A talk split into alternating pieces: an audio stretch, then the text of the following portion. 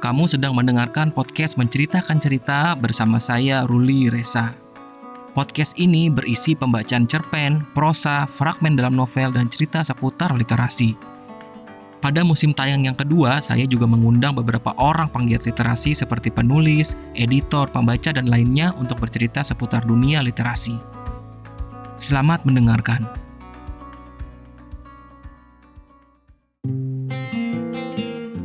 Assalamualaikum warahmatullahi wabarakatuh pendengar podcast Menceritakan Cerita. Saat ini podcast Menceritakan Cerita sudah masuk musim tayang yang kedua.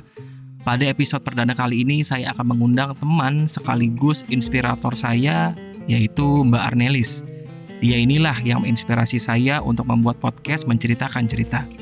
Apa sih sebenarnya yang mengilhami seorang guru untuk menjadi podcaster? Yuk simak obrolan saya sama Mbak Arnelis berikut ini Halo, Assalamualaikum warahmatullahi wabarakatuh, Mbak Arnel. Apa kabar? Kabar baik. Gimana? Masih di rumah aja?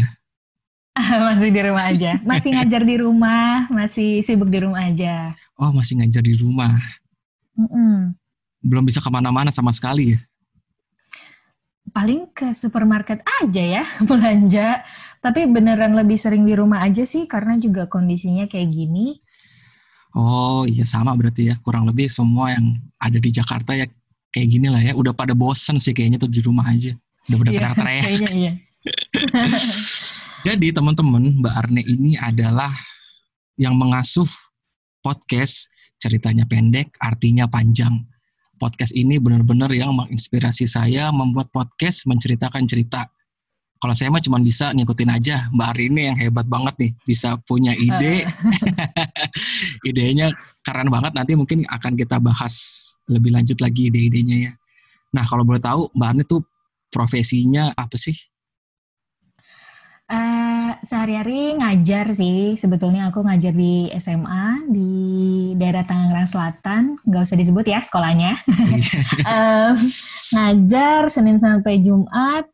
Terus ya itu aja sih. Sama kalau weekend kalau emang ada kesibukan tambahan biasanya aku suka mendongeng. Wow, Nah, aku gabung. mendongeng. Iya, jadi aku gabung di komunitas Ayo Dongeng Indonesia.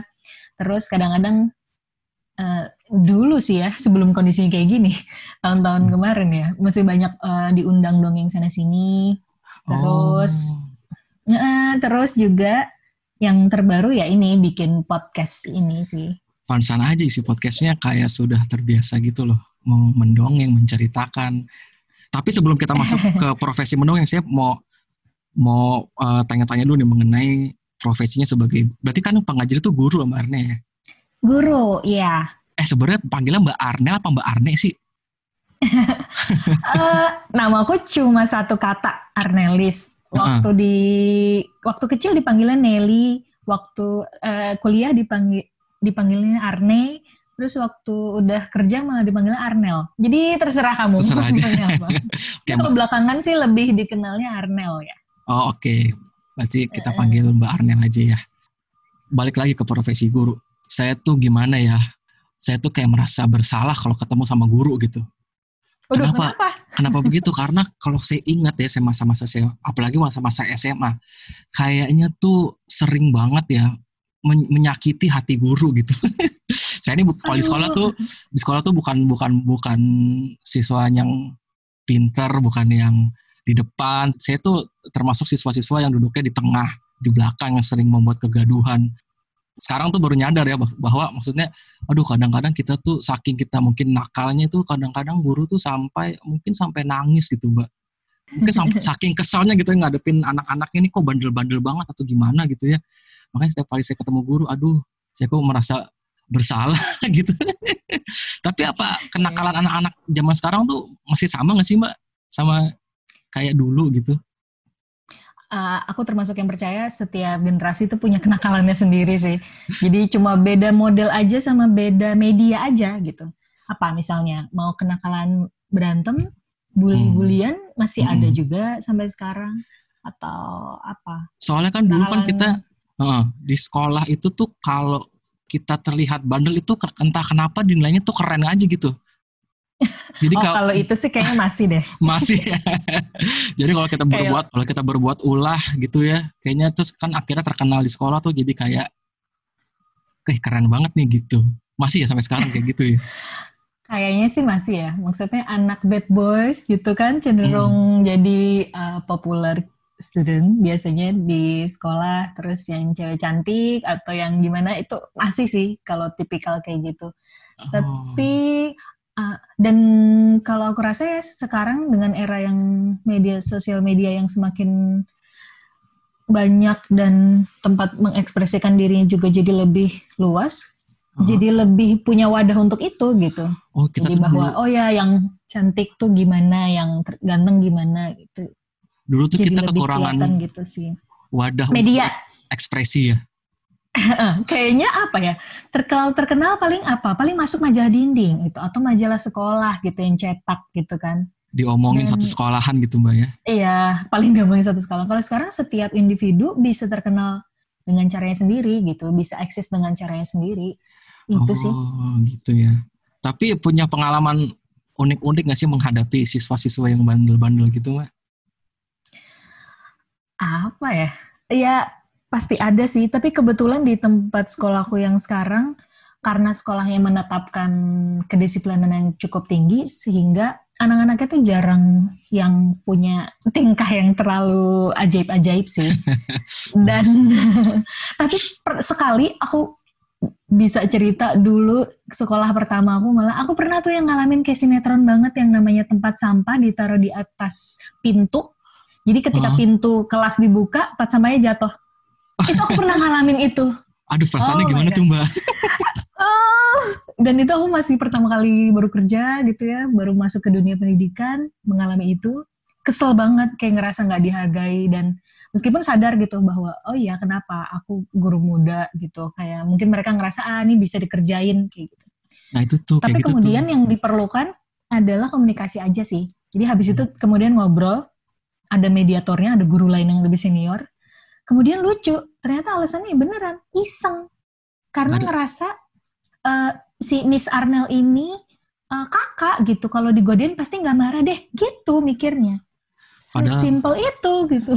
Padahal kan menorehkan luka yang mendalam ya mbak.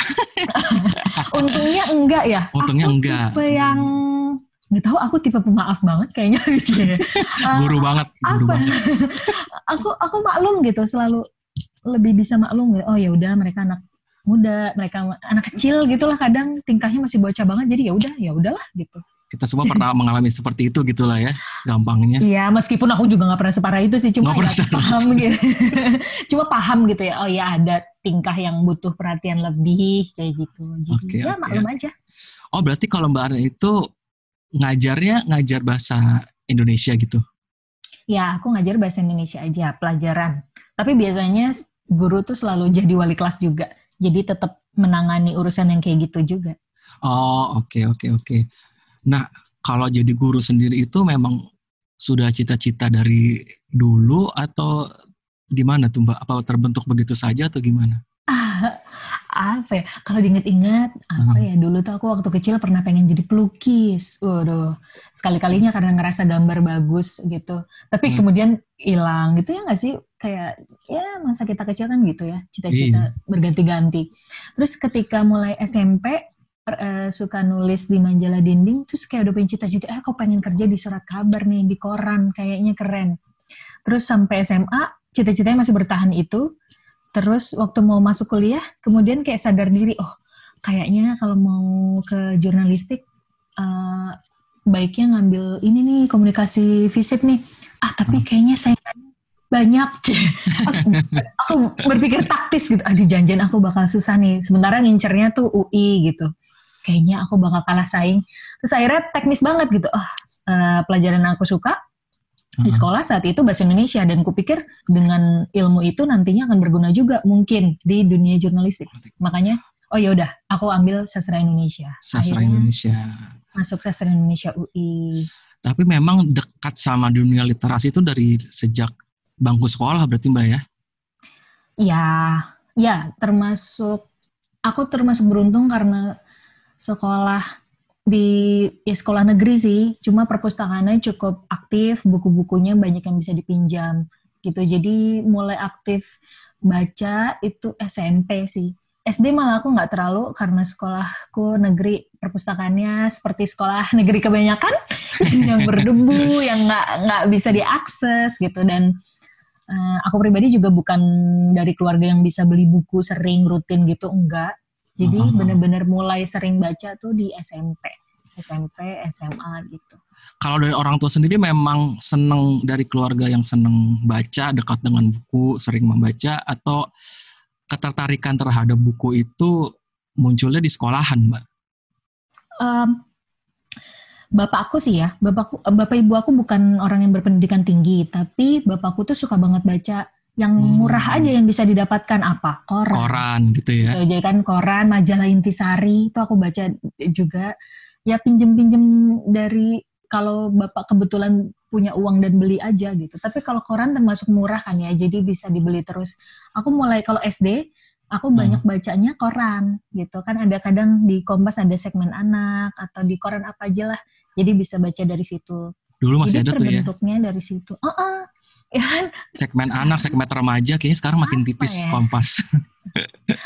uh, majalah Bobo itu aku juga nggak terlalu baca loh waktu SD malah. Oh aku oh, ya? baca tuh kalau pinjem aja karena nggak nggak bisa beli nggak tahu deh yeah, yeah, yeah, yeah. agak susah waktu zaman dulu aduh tapi ya untungnya ketika SMP udah mulai bisa akses ke banyak buku jadi ya alhamdulillah nah kalau Mbak Arne sendiri nih memandang nih ada nggak sih bedanya metode yang diajarkan guru zaman dulu sama yang Mbak Arya sendiri mungkin alami gitu. Metodenya tuh ada yang ada yang harus menyesuaikan nggak supaya anak-anak ini nih senang baca. Karena kan susah ya zaman sekarang untuk ngajak orang baca tuh susah. Kalau di lingkungan saya sih susah sekali gitu ngajak hmm. orang untuk membaca. Nah mungkin lingkungan kamu tuh kayak apa? Di keluarga itu jarang banget yang dekat dengan buku jadi kalau hmm. saya tuh membaca di rumah ya sendiri gitu. Dan oh. dan uh, ketertarikan membaca itu tuh munculnya begitu saja. Jadi nggak pernah disuruh, nggak pernah nggak pernah didekatkan dengan buku, tapi tiba-tiba pas apalagi pas SMP SMA tuh saya sama sekali nggak suka baca. Oh, Karena gitu. Oh, mulai kenal kapan? Waktu di uh, kuliah justru. Ah, Jadi karena iya. karena gini, karena kenapa saya suka itu karena si dosennya ini nih ngajarinnya tuh kayak kayak ini loh Mbak Arne pernah nonton film Dead Pot Society nggak? Dead Pot Society. Oh, iya. Nah, ini, ya, ini kayak gitu tuh kurang lebih tuh. Jadi sering. Oh, keren sih. Nah, jadi kan, oh ternyata membaca itu keren ya. Ternyata orang tuh bisa keren tuh dari baca gitu. Akhirnya dari situ saya mulai mulai banyak membaca. Sedangkan waktu SMP, waktu sekolah tuh nggak pernah diajarin sama guru tuh membaca gitu. Nggak pernah. Makanya hmm. kalau saya saya tuh dengerin teman-teman suka misalkan oh dulu tuh bacaan gue waktu SMP tuh uh, salah asuhan atau uh, Siti uh. Nurbaya itu kan kayak gitu kan biasanya bacaan-bacaan yeah, yang yeah, wajib yeah. gitu ya nah itu bacaan-bacaan wajib itu saya baru baca tuh waktu kuliah dan baru ih gila nih keren ah. banget nih Siti Nurbaya nih bahasa sastranya nih gila nih keren banget nih nah itu baru pas di kuliah hmm. Gimana tuh kalau? Tapi emang uh, uh, aku percaya sih bahwa faktor guru orang yang selama uh, dari kecil sampai sekolah kita ketemu gitu ya akan banyak mempengaruhi itu aku percaya banget sih. Hmm. Um, tapi kalau tunggu aku inget-inget lagi. Oh di SMP mungkin karena akunya juga sudah punya ketertarikan ke dunia itu kali ya. Jadi nah, mudah dia. juga bagi aku untuk me, tergerak untuk baca sendiri. Kemudian akunya juga mendekatkan diri gitu ke guru yang uh, memberi kesempatan untuk banyak baca buku juga. Nah, aku tidak tahu ya apa yang terjadi sama teman-teman SMP ku dulu, tapi yang aku ingat sih memang dari SMP, SMA tidak ada keharusan untuk membaca buku sastra. Dan sampai oh. sekarang, setahu oh, gitu. di sekolah negeri Indonesia memang tidak mengharuskan membaca buku sastra gitu. Oh. Kenapa? Karena wah itu nanti jadi gosip sendiri. itu ya ter, ya hmm. kebayang lah ya, maksudnya mm, iya, iya, bayangkan iya, kalau sebuah negara mewajibkan, maka kemudian ada anggaran, itu jadi politik, jadi macam-macam lah. Jadi pertimbangannya kayaknya belum belum deal sampai situ. Ya semoga menteri yang baru bisa ke arah situ. Ke arah situ nah ya. kebetulan hmm. sekarang karena aku ngajar di sekolah swasta hmm. yang me, apa ya lebih memperbolehkan gurunya juga berkreasi, gitu. Dan aku senang sih, uh, aku pertama kali masuk itu aku ada guru senior yang mengajarkan aku. Kita akan pakai buku uh, sastra sebagai kayak buku pegangannya. Jadi satu tahun uh, kita harus pakai dua buku aja minimal. Jadi minimal kan satu buku enam bulan bisa dong. Dibahas. Kan itu gampang harusnya tuntas ya. Gitu ya. Dikupas tuntas satu buku itu. Kemudian dari satu buku dipecah lagi, uh, masukkan tema-tema sesuai kurikulumnya. Oke, okay, kurikulum nasional lagi mau bahas apa nih? Oh, membahas deskripsi. Oh ya udah, cari deskripsi yang ada di buku itu. Kayak gitu misalnya. Jadi hmm, balik lagi sih ke kemampuan guru untuk mengajak anak-anaknya untuk uh, membuka buku gitu. Iya kemarin kemarin sempat saya dengerin salah satu podcast episode podcastnya Mbak Arnel nih. Itu kan yang ada yang anak mengajak anak-anak didiknya itu membaca cerpen ya kalau nggak salah ya. Ah ya. Itu kan hmm. maksud saya tuh saya pas dengerin ih gila ya anak-anak SMA zaman sekarang nih seperti ini nih pengetahuan sastranya ap apalagi waktu itu dia membacakannya puisi ya. Hmm, nah, ada puisi. Puisi ya. Nah, ketika zaman saya dulu nih orang-orang yang dianggap suka puisi nggak nggak saya nggak tahu ya saya nggak nggak mengeneralisir ya cuman saya yang yang saya alami aja orang-orang yang suka puisi orang-orang yang suka baca buku tuh dianggapnya ah lu mah geek nggak bisa bergaul gitu ya, ya, ya, ya. Tapi mungkin hmm. itu eh, kalau sekarang kayaknya aku percaya itu gara-gara Rangga juga nggak sih ADC. Iya iya iya benar. itu lumayan mempengaruhi. Nah balik lagi itu kan juga dipopulerkan oleh uh, ya media gitu. Oh film sebagai uh, karya seni modern dia mempopulerkan bahwa oh puisi itu nggak norak, puisi itu cowok keren juga baca puisi. puisi. Kemudian mm -hmm. jadi terkenal, diterima. Jadi ba memang banyak harus cara gitu ya. ya. Mm -mm, dan kerjasama banyak pihak sih untuk menggaungkan literasi ini. Gitu. Nah kalau misalkan Mbak Arne kan praktisi nih ya di, di pendidikan nih. Terus kalau kita misalkan suka baca koran dibilangin begini, literasinya Indonesia tuh rendah. Itu Mbak Arne setuju nggak? Kalau yang penelitian-penelitian penelitian seperti itu kan memang kebetulan banyak ngambil sampelnya uh, di kota besar dan ada juga yang di daerah ya wajar ketika hasilnya seperti itu karena hmm, aku aja yang di sekolah swasta yang anak-anaknya juga dengan tingkat ekonomi bagus mm-hmm. punya akses untuk membeli buku sendiri akses untuk per, ke perpustakaan banyak itu aja masih ada yang belum bisa mencapai pemahaman literasi yang seharusnya udah bisa dicapai. Misalnya anak SMA harusnya udah bisa nih analisis kayak gini, hmm. tapi ternyata masih ada yang belum. Itu aja di sekolah-sekolah yang seperti itu. Nah, bayangkan di Indonesia ya kita tahu sendiri masih masih kualitasnya masih banyak yang belum cukup baik gitu. Jadi wajar sih kalau ada penelitian yang mengatakan seperti itu. Percaya, ya percaya. Berarti bukan lebih lebih ke arah bukan nggak tertarik ya, tapi mungkin distribusinya atau kemampuan membelinya itu yang kalau aku percaya sebetulnya kalau di banyak daerah di Indonesia lebih ke fasilitas dan uh, siapa yang memfasilitasi. Jadi banyak kasus juga. Um, sekarang kan banyak ya inisiasi yang meng, apa, mengirimkan buku dari kota ke daerah-daerah. Itu banyak sebetulnya ke daerah-daerah terpencil atau apa. Tapi yang terjadi kemudian mereka hanya mengirimkan buku aja.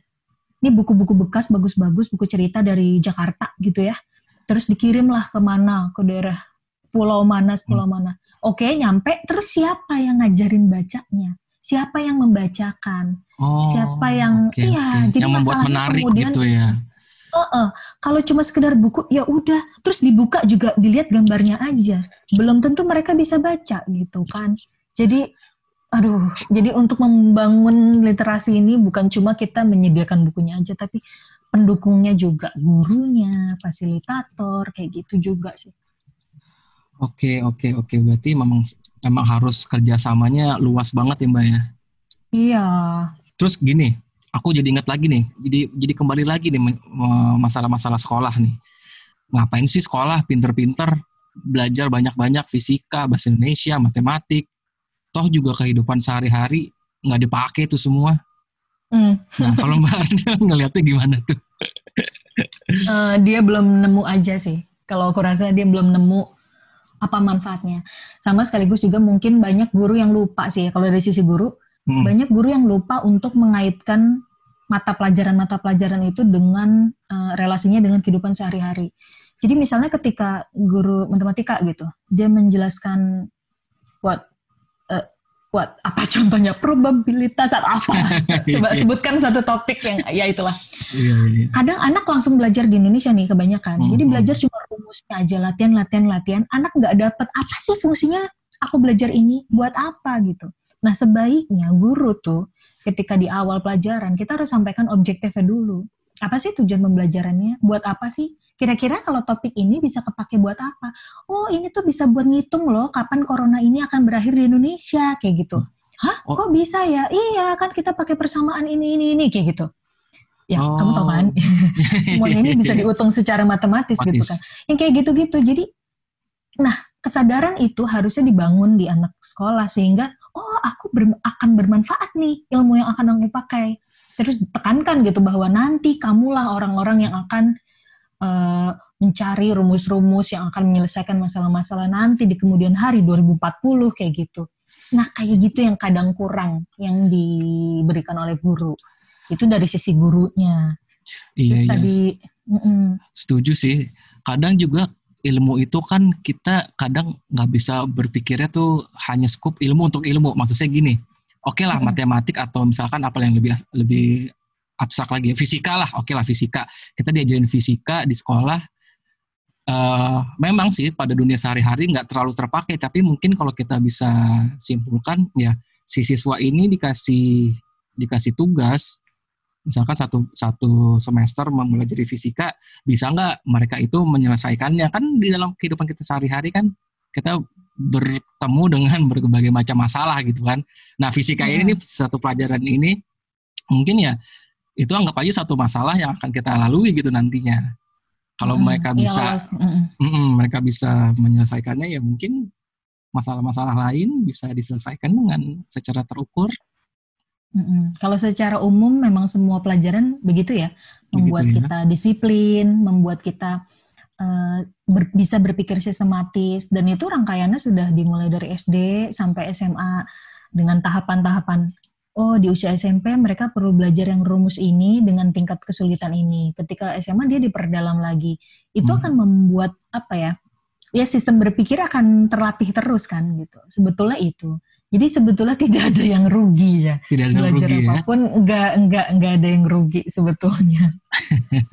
termasuk sastra ya. Oh iya, termasuk sastra. Nah, kalau ngomong ngomongin sastra lagi kita balik lagi ke ngomongin buku nih, Mbak.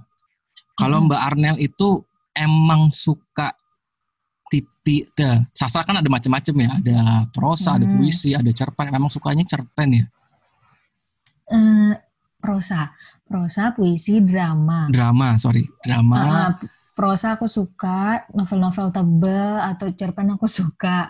Uh, terus yang kedua drama baru mulai suka waktu kuliah karena baru baru kemudian kenal sama drama teater dan belajar main teater juga. Puisi kayaknya bisa aku bilang yang terakhir deh. Karena apa ya menurutku susah banget susah itu. susah di ininya ya di resapinya uh, tuh agak mungkin uh, mungkin tergantung karakter juga sih itu kan ya sastra tergantung karakter, ya. karakter kalau iya, aku bener, bener. tipe yang oh, aku sukanya sesuatu yang straight langsung mau maknanya apa dan aku rasa itu lebih bisa dengan mudah ditemukan di prosa gitu dibanding harus mencari makna lagi di lagi puisi di... kayak gitu. Tapi kan ada orang-orang yang cenderung lebih suka puisi karena puisi. sukanya bersembunyi, sukanya misalnya apa? Iya bersembunyi di balik makna gitu ya. Nah, aku bukan tipe yang itu kayaknya. Tapi jujur nih ya, setel jadi hmm. dulu tuh saya tuh uh, sebelum mendengarkan podcastnya Mbak Arnel ini ya, jarang banget baca cerpen. Hmm. Jadi beberapa beberapa aja lah, beberapa judul aja. Tapi setelah membaca, uh, mendengarkan podcastnya Mbak Mbak Arnel jadi tertarik. Dulu tuh saya karena gini, dulu saya kan senangnya membacanya. Ini lagi jadi cerita Bang saya nggak apa-apa nih ya. Gak apa-apa dong, kan podcast kamu. jadi dulu tuh saya senangnya sebelum sebelum ini membacanya tuh novel, novel yang agak tebel-tebel dan baca buku non fiksi gitu ya. Tapi setelah masuk dunia kerja itu kan waktu membacanya jadi semakin sedikit tuh ya. Jadi saya mungkin hmm. membaca itu sebelum tidur sebelum tidur saya baca nih mungkin maksimal saya tuh baca 40 lembar lah itu udah paling maksimal tuh Nah, yang jadi kendala kadang-kadang kalau membaca novel tebel atau membaca buku non fiksi itu kan ceritanya lumayan rumit gitu ya biasanya ya. Yang jadi kendala hmm. adalah pas saya meneruskan lagi besoknya atau misalkan besoknya nggak bisa beberapa hari kemudian saya pas saya buka lagi lah ini ceritanya kayak mana ya lagi mikir-mikir kemarin lah. ngapain ya tokohnya gitu nah kalau membaca yeah, cerpen yeah, kan yeah. enak tuh ya cuman berapa lembar hmm. tapi syarat makna hmm. gitu apalagi hmm. kemarin si uh, Mbak Arnel ini membacakan beberapa karya-karyanya uh, misalkan Seno Gumira gitu ya itu kan saya jadi baca-baca hmm. lagi wah ternyata maknanya luar biasa apalagi pas lagi membaca Ahmad Tohari. Waduh, itu sih luar biasa banget itu. Jadi Kena aku banget. percaya sih hmm. setiap bentuk tuh punya keunggulannya sendiri sih memang. Ya balik lagi itu kayak yang kamu bilang benar. Kalau cerpen ketika kita butuh entah itu hiburan atau butuh pengetahuan, ilmu baru dengan waktu yang pendek, ya kita carilah cerpen. Tapi memang perlu juga, uh, ini terjadi di murid saya, kayak kan saya menyajikan kamu harus baca buku novel, kamu harus baca hmm. juga buku kumpulan cerpen. Nah hmm. biasanya anak-anak tuh cenderung oh yaudah uh, cerpen aja, eh seru mis, cerpen gampang dibaca, selesai hmm. dan enak. Kenapa kita nggak baca cerpen doang aja? Gitu kemudian. Nah saya hmm. bilang nggak bisa karena ada keunggulan di novel yang tidak bisa didapatkan di cerpen, gitu. cerpen. Ketika hmm. Hmm, itu tuh mem, mem, apa ya membangun Eh, keseriusan kita, membangun daya pikir kita juga, ya benar. Makanya ketika besok harinya kita lupa lagi kemarin novelnya udah sampai halaman berapa ya, kemarin cerita tentang apa. Nah justru itu yang dibangun gitu. Jadi hmm. uh, kemarin uh, bagaimana menjalin satu ide ke ide lain konstan dalam 100 halaman hmm. gitu. Kita sebagai pembaca oh, juga jadi terlatih untuk itu gitu. Nah akhirnya saya nih sekarang nih karena buat podcast ini jadi setiap baca novel harus nyatet tuh ini terakhir habis ini. Oh, Jadi karena ah. punya podcast ini, jadi setelah sekarang membaca, selagi membaca novel yang tebel-tebel tuh saya nyatet, oh karakter ini hmm. begini, karakter ini begini. Jadi pas lagi oh, tuh baca lagi. Ya? karena terinspirasi juga mbak sama yang dilakukan Mbak Lela Hudori. Lela Hudori, oh. Mbak Lela Hudori itu melakukan itu. Maksudnya hmm. saya pikir sastrawan sekaliber beliau aja nih masih melakukan itu saya membaca biasa. gitu ya. hmm. wah kayaknya sih mesti supaya ya gitu mesti supaya connect aja pas lagi baca selanjutnya oh ternyata si karakter ini tuh si ini. Kadang-kadang kan kalau kalau novel itu banyak karakter kita kadang-kadang suka lupa kan. Ini iya, siapa ya, nih ya, ya ini adiknya siapa nih? Gitu. Iya iya wajar banget sih. Uh-huh. gitu. Ya gitulah nah kalau hmm. balik lagi kita apa kita membahas podcastnya sedikit ya membahas podcastnya Mbak Arnel nih itu gimana hmm. ceritanya tuh? Akhirnya kepikiran membuat podcast itu yang luar biasa itu. Ais. Apa ya? Hmm, sebetulnya denger podcast udah mendengar ada kata podcast, terus ada media podcast udah lama. Waktu itu pernah bikin mengisi uh, dongeng di podcast orang tuh pernah juga tuh 2014 ya kalau nggak salah iya gitu. Terus aku kan memang mendongeng udah lama. Hmm. Baru tapi kemudian baru beberapa waktu belakangan ketika lihat muridku ada yang mm, mengisi podcast gitu. Terus aku nanya-nanya, itu bikinnya pakai apa sih gitu. Oh, coba pakai ini nih, selalala. Saya baru tergerak lagi, oh iya ya. Kenapa dongeng-dongeng yang selama ini aku bawakan tidak ku bacakan aja di podcast gitu. Terus akhirnya coba browsing-browsing di Spotify, oh udah ada yang kayak gitu. Terus aku mau bikin apa ya gitu. Yang kayaknya masih belum ada gitu.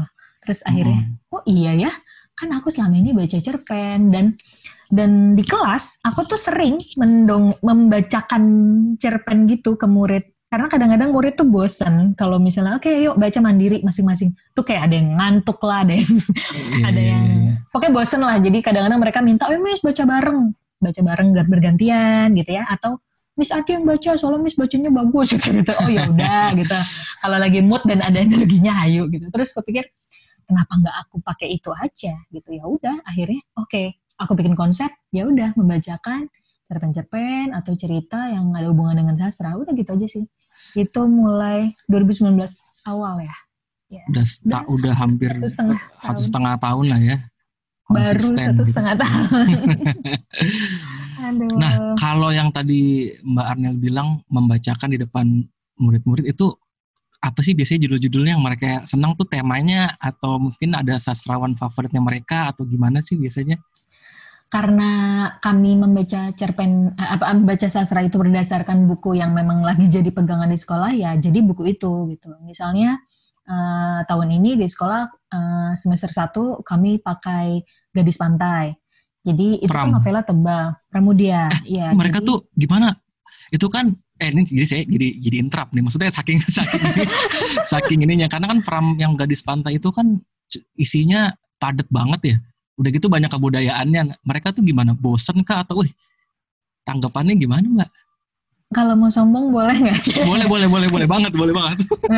Enggak, tergantung gurunya aja. Wah, Eh, apa ya? Aku percaya sih kalau anak dilepas begitu aja ya mungkin mereka akan bosan. Aduh, buku pram gadis pantai kan tipis ya. Itu termasuk tipis, Tipis, loh tipis. dibanding bu- bumi manusia gitu kan. Itu aja. Mm-mm. Iya, itu aja anak-anak udah ngeluh-ngeluh gitu. Terutama Oh. anak-anak yang tidak terlalu tertarik membaca ya. Aduh, Hmm. miss males gitu. Nah, biasanya gimana cara aku mengajak anak-anak untuk tertarik di awal, aku akan buka dengan aku yang bacain. Itu mereka cenderung suka gitu. Jadi Oh, ya udah, iya, iya. usiaku 14 tahun, kulit kuning langsat kayak gitu, tuh aku bacakan lantang, membaca lantang di depan kelas. Lalu Wow. aku berhenti. Biasanya misalnya baca satu paragraf berhenti, kasih penekanan atau ada kata-kata yang tidak kamu ngerti, itu apaan tadi Miss masuknya? Hmm, hidung apa adanya gitu. Ayo, hidung apa adanya apa? Pesek Miss. Nah, iya pesek. Oh, itu. Ketika Oh, iya, ketika iya, iya. ketertarikan itu udah muncul, nah biasanya akan terus tuh. Dan terutama aku seneng baca membaca lanang di kelas itu untuk menekankan peristiwa-peristiwa penting. Jadi misalnya Hmm. ketika akhirnya gadis pantai didatangi sama Bendoro malam-malam jam 2 malam, kira-kira apa Ah. yang terjadi? Wih, itu itu ya Miss. Jadi mereka baru Kebayang nah kayak ya kebayangkan anak Iya. SMA gitu seneng dengan topik kayak gitu. Tapi memang harus digali. Ketika itu disodorkan begitu aja, mereka nggak ngerti loh kalau itu ternyata adegan begitu. Serius kayak, loh kok kamu nggak nangkep ya? Oh Kayak, gitu. aku pernah soalnya aku coba sendiri. Ternyata tidak. Nah itu kan balik lagi ke pemahaman. Tingkat literasinya ternyata masih belum ke situ ya berarti tugas guru gitu untuk membantu menjelaskan kayak gitu sih. Tapi tadi pas diceritain kayak Mbak Arnel ini ngejelasin eh, di depan kelas membacakan itu tuh kayak kita tuh mungkin nonton trailer sebuah film gitu ya. Wah ini trailer gimana? Wih keren loh gitu kan. iya iya iya jadi aku rasa kita harus membangun itu gitu nah paling malesnya nanti ketika mereka udah menghadapi asesmen ya kayak misalnya oh ini kalian harus mengerjakan PR-nya gitu pasti biasanya moodnya akan turun lagi tapi ya itu salah satu yang bisa aku lakukan lah untuk membangun minat bacanya dulu gitu Nah, oh ya tadi saya teringat lagi nih. Itu kan tadi kan Hmm. garis pantai kan karyanya Pram ya. Kan kita tahu Mm-mm. sendiri lah Pram itu kan apa ya, sastrawan besar tapi dulu kita waktu saya sekolah tuh memang nggak pernah tersebut tuh nama Pram gitu kan. Nah kalau Hmm. sekarang tuh udah udah udah bebas ya mbak ya. Maksudnya ya terserah aja. Jadi dari pihak sekolah nggak ada nggak ada protes atau nggak ada campur tangan atau gimana tuh? Hmm, aku sih melihatnya seiring dengan pertumbuhan perkem, apa penerbitan buku juga ya, karena Mhm. sekarang buku-buku Pramudia udah banyak diterbitkan ulang, Mm-mm. jadi itu juga dianggap sudah diterima gitu secara umum. Dan sekolah ketika kita ajukan, eh, kita kasih sinopsis seperti ini, ya kita highlight lah bahwa eh, fokusnya adalah ceritanya tentang ini ini ini yang positifnya gitu ya, tidak perlu menekankan hal lain yang yang mereka nggak perlu tahu.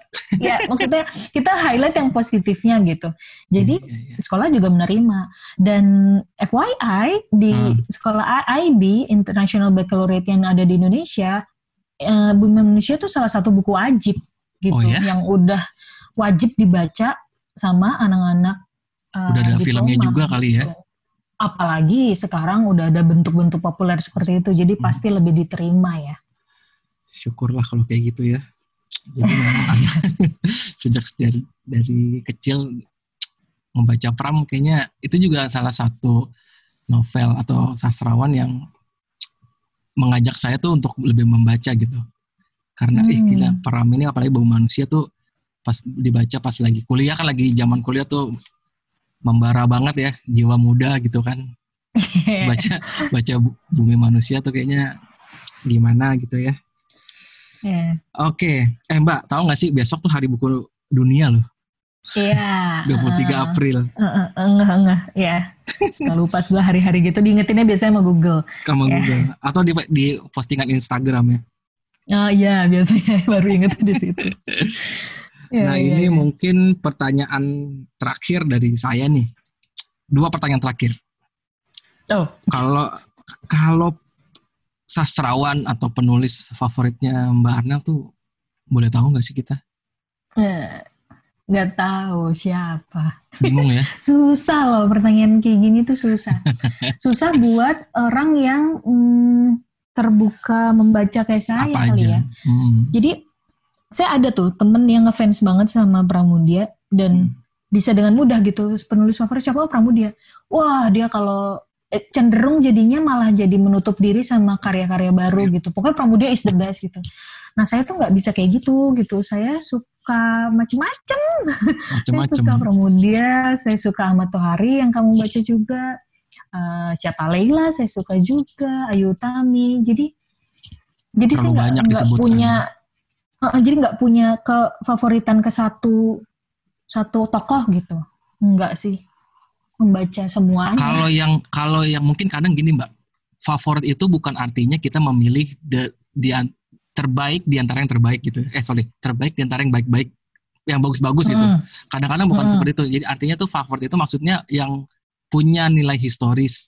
Mungkin oh ini saya waktu saya ini nih kena banget oh, ya sama okay. si. Mm. Berarti pertanyaannya gitu aja ya, mana? Gitu aja kali ya. Sastrawan atau karya yang, yang lebih punya nilai historis. Kalau itu gampang mm. jawabnya.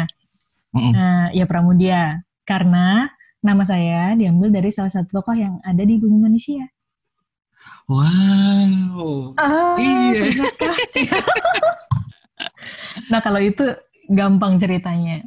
Karena iya, iya, iya, iya, iya, iya, bapak iya. saya dulu eh, meskipun dia tidak punya akses bagus ke buku, tapi dia pernah membaca Bumi Manusia yang stensilan yang zaman waktu dilarang dulu terus dia terkesan gitu dengan tokoh Anelis ini.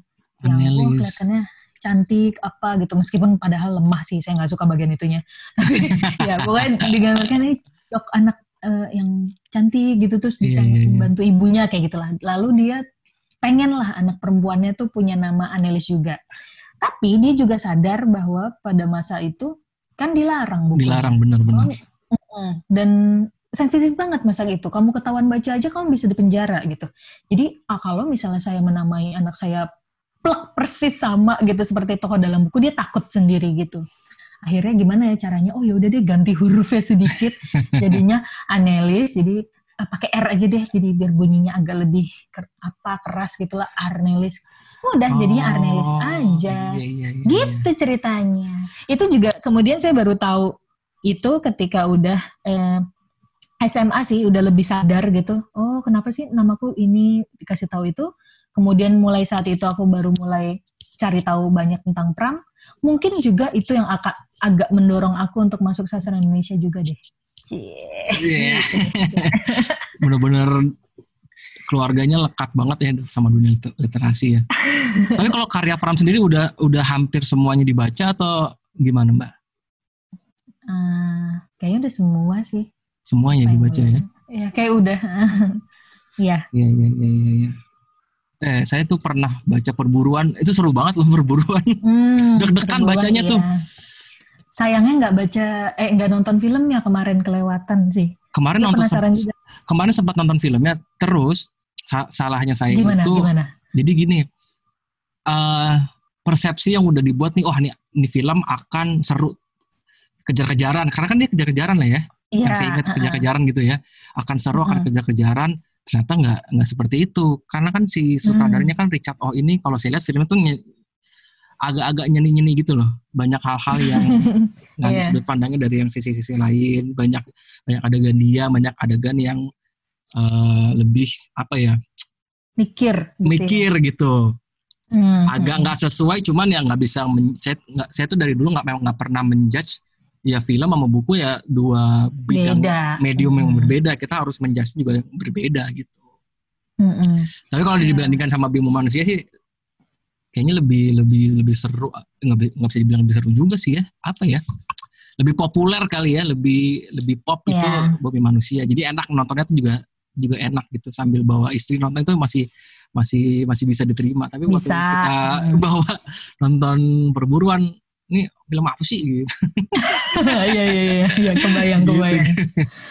Tapi dasarnya memang Bumi- Bumi Manusia dan Perburuan sendiri bukunya juga beda tone ya. Memang Beda Bumi beda. Manusia lebih romantis, lebih enak dibaca juga. Ah, iya benar benar benar benar benar. Ya. Terus terakhir Hmm. buku terakhir yang Mbak Arnel baca apa sih? Hmm, terakhir Gaspar ya. Gaspar. 24 jam bersama Gaspar, Sabda Armandio Alif. Belum belum pernah baca. Nah itu aku berusaha me- apa ya? Aku berusaha untuk mengingatkan diriku sendiri untuk membuka diri sih. Jadi tidak hanya berpaku pada buku-buku lama karena eh, menyenangkan sekali perkembangan sastra Indonesia. Mm-mm. Banyak banget anak-anak muda sekarang yang eh, nulis bukunya macem-macem banget. eh, terus bisa menggali banyak unsur-unsur kedaerahan, terus juga banyak eksperimen-eksperimen eksperimen baru gitu di bukunya. Jadi aku mencoba untuk terus cari sih sastra Indonesia yang baru gitu. Jadi belakangan itu sih. yang Bahasa aku- penyampaiannya gimana Mbak di di Gaspar ini? Eh, kamu tuh anak IT gitu bukan sih? Iya.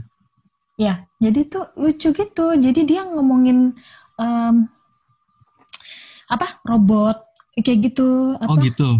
ada motornya bisa hidup kayak gitu dan itu jarang banget loh eh, sastra Indonesia yang kayak gitu. Terus fontnya, fontnya tuh beda-beda. Jadi yang misalnya tokoh yang bicara pertama fontnya dia pakai yang seperti ini, kemudian yang kedua nanti fontnya yang, aduh kamu tau lah. Oh, oh ya, oh ya. Font-font gaya-gaya apa sih futuristik gitu. Gitu. Jadi kita juga punya kesan baca yang berbeda gitu. Tapi teks dalamnya tuh nggak ada ada ada visualnya. Ada ada juga gambar-gambarnya. Hmm. gitu. Jadi, nah itu ya. Jadi eksperimen gitu sih yang sangat aku hargai di era sekarang. Jadi lebih variatif gitu, bermain-main dengan seperti itu. Ini sama mungkin saya sharing juga nih. Kemarin Hmm. itu saya terakhir baca bukunya Eka Kurniawan Mbak, Mm-mm. yang judulnya tunggu ya saya agak lupa nih judulnya agak panjang. Seperti Den- dendam. Nah itu dia tuh seperti dendam. Rindu harus dibayar Nah, tuntas. kan saya selama ini kan baca novelnya sastra yang klasik gitu ya, yang Hmm. katanya bagus. Nah, ketika baca buku ini, kata-kata pertamanya langsung what? Ini apa ini? Iya iya iya. tapi menarik Seru ya? banget, tapi menarik banget beneran deh. Heeh, Saya tuh nggak bisa nggak bisa nggak bisa berhenti dari dari si novel ini karena pertama bahasanya kayak kayak apa ya? Kayak kita tuh punya diacak-acak gitu kepala kita tuh gila nih bahasa bisa seperti ini gitu. Tapi menarik. Mm-mm. Akhirnya setelah Dan akan ada di Hmm. filmnya loh itu nanti. oh ada filmnya nanti. Akan difilmkan. Iya, Waduh. jadi tunggu saja. Oke, seru banget. Mbak Arnel, makasih banget Ya. nih wak- waktunya untuk disediain untuk saya ngobrol-ngobrol. Mungkin lain kesempatan bisa ngobrol-ngobrol lagi. Iya, terima kasih juga ya udah eh, masuk ke podcastnya Rel ini. Apa menceritakan Akan cerita. cerita, iya. Eh, nanti Hmm. pendengarnya kamu eh, mampir juga dong ke podcast aku. Oh ya, silakan mampir. Ceritanya pendek, artinya panjang ya. Oke, Mbak Arnel. ya, Sampai ketemu lagi. ya terima kasih. Kasih. Dah. Bye-bye.